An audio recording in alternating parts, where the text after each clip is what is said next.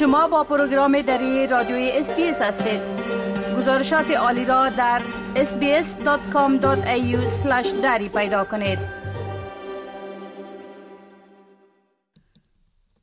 در استرالیا چطور می توانیم از خدمات آمبولانس استفاده کنیم؟ آمبولانس ها های مجهز با ابزار ارائه مراقبت های اضطراری به افراد مریض یا مجروح و در صورت نیاز رساندن آنها به شفاخانه هستند.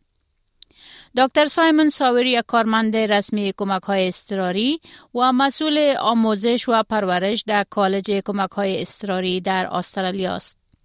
او می گوید شرایط مختلف می تواند وجود داشته باشد که کسی باید با سه سفر تماس بگیرد و درخواست امبولانس کند. If somebody's having something like a heart attack or they've got unexplained chest pain or chest tightness or something like that, we'd recommend calling an ambulance. If somebody had suddenly lost consciousness or was suddenly weak or numb or paralyzed, maybe they couldn't speak properly, or seizures, traumatic injuries, so falls from large heights where you've injured yourself, anything violent, like if you've been stabbed or shot, um, perhaps you've been burnt, which is particularly important to call the ambulance in children.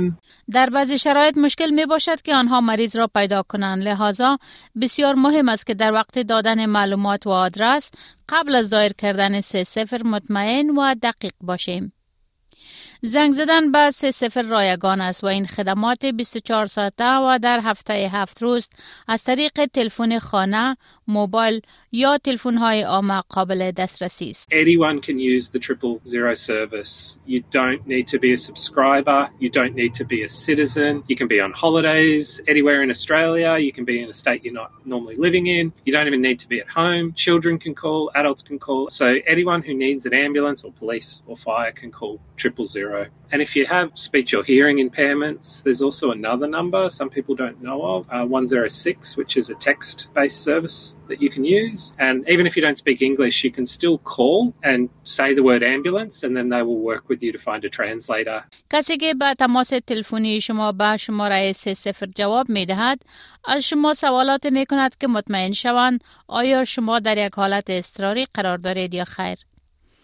دکتر ساور می‌گوید اینکه شما چگونه به این سوالات جواب می دهید بسیار مهم. Why Wahayotis. They'll ask you what the actual problem is. So, again, be as specific as possible. Speaking as a paramedic, it's important for me to know exactly what I'm going to for a number of reasons. So, you might say, for example, I've had a car accident, my partner isn't breathing, my partner's got chest pain, something like that. They'll ask how many people are sick or injured. Again, that's important because if it's just one, maybe just one ambulance will be enough. اطلاعات مربوط به سن و جنسیت مریض نیز مهم است چرا که به امدادگران کمک می کند تا اندازه های مناسب ادویه و ابزار مورد نیاز را آماده کنند.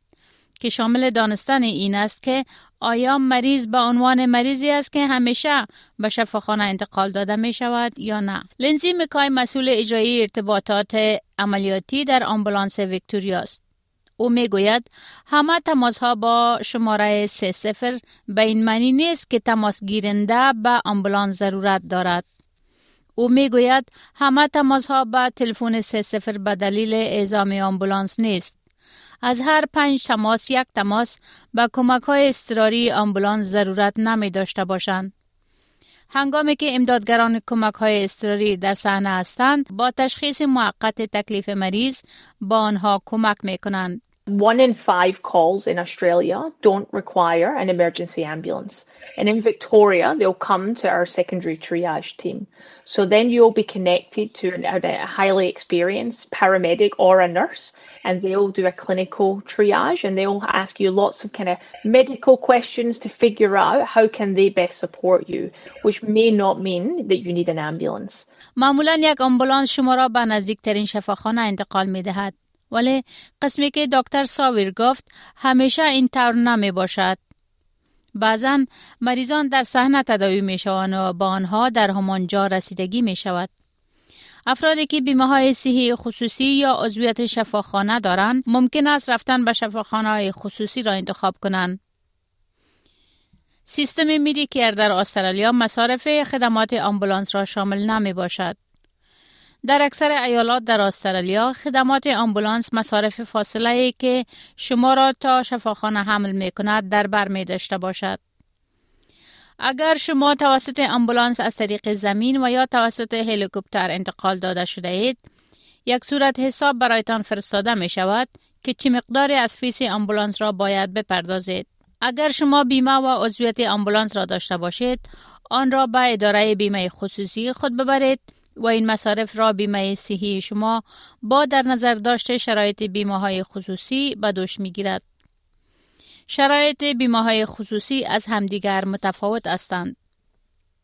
بر علاوه فیس و مصارف خدمات امبولانس نظر به ضرورت مریض و موقعیتی که قرار دارد هم فرق می کند.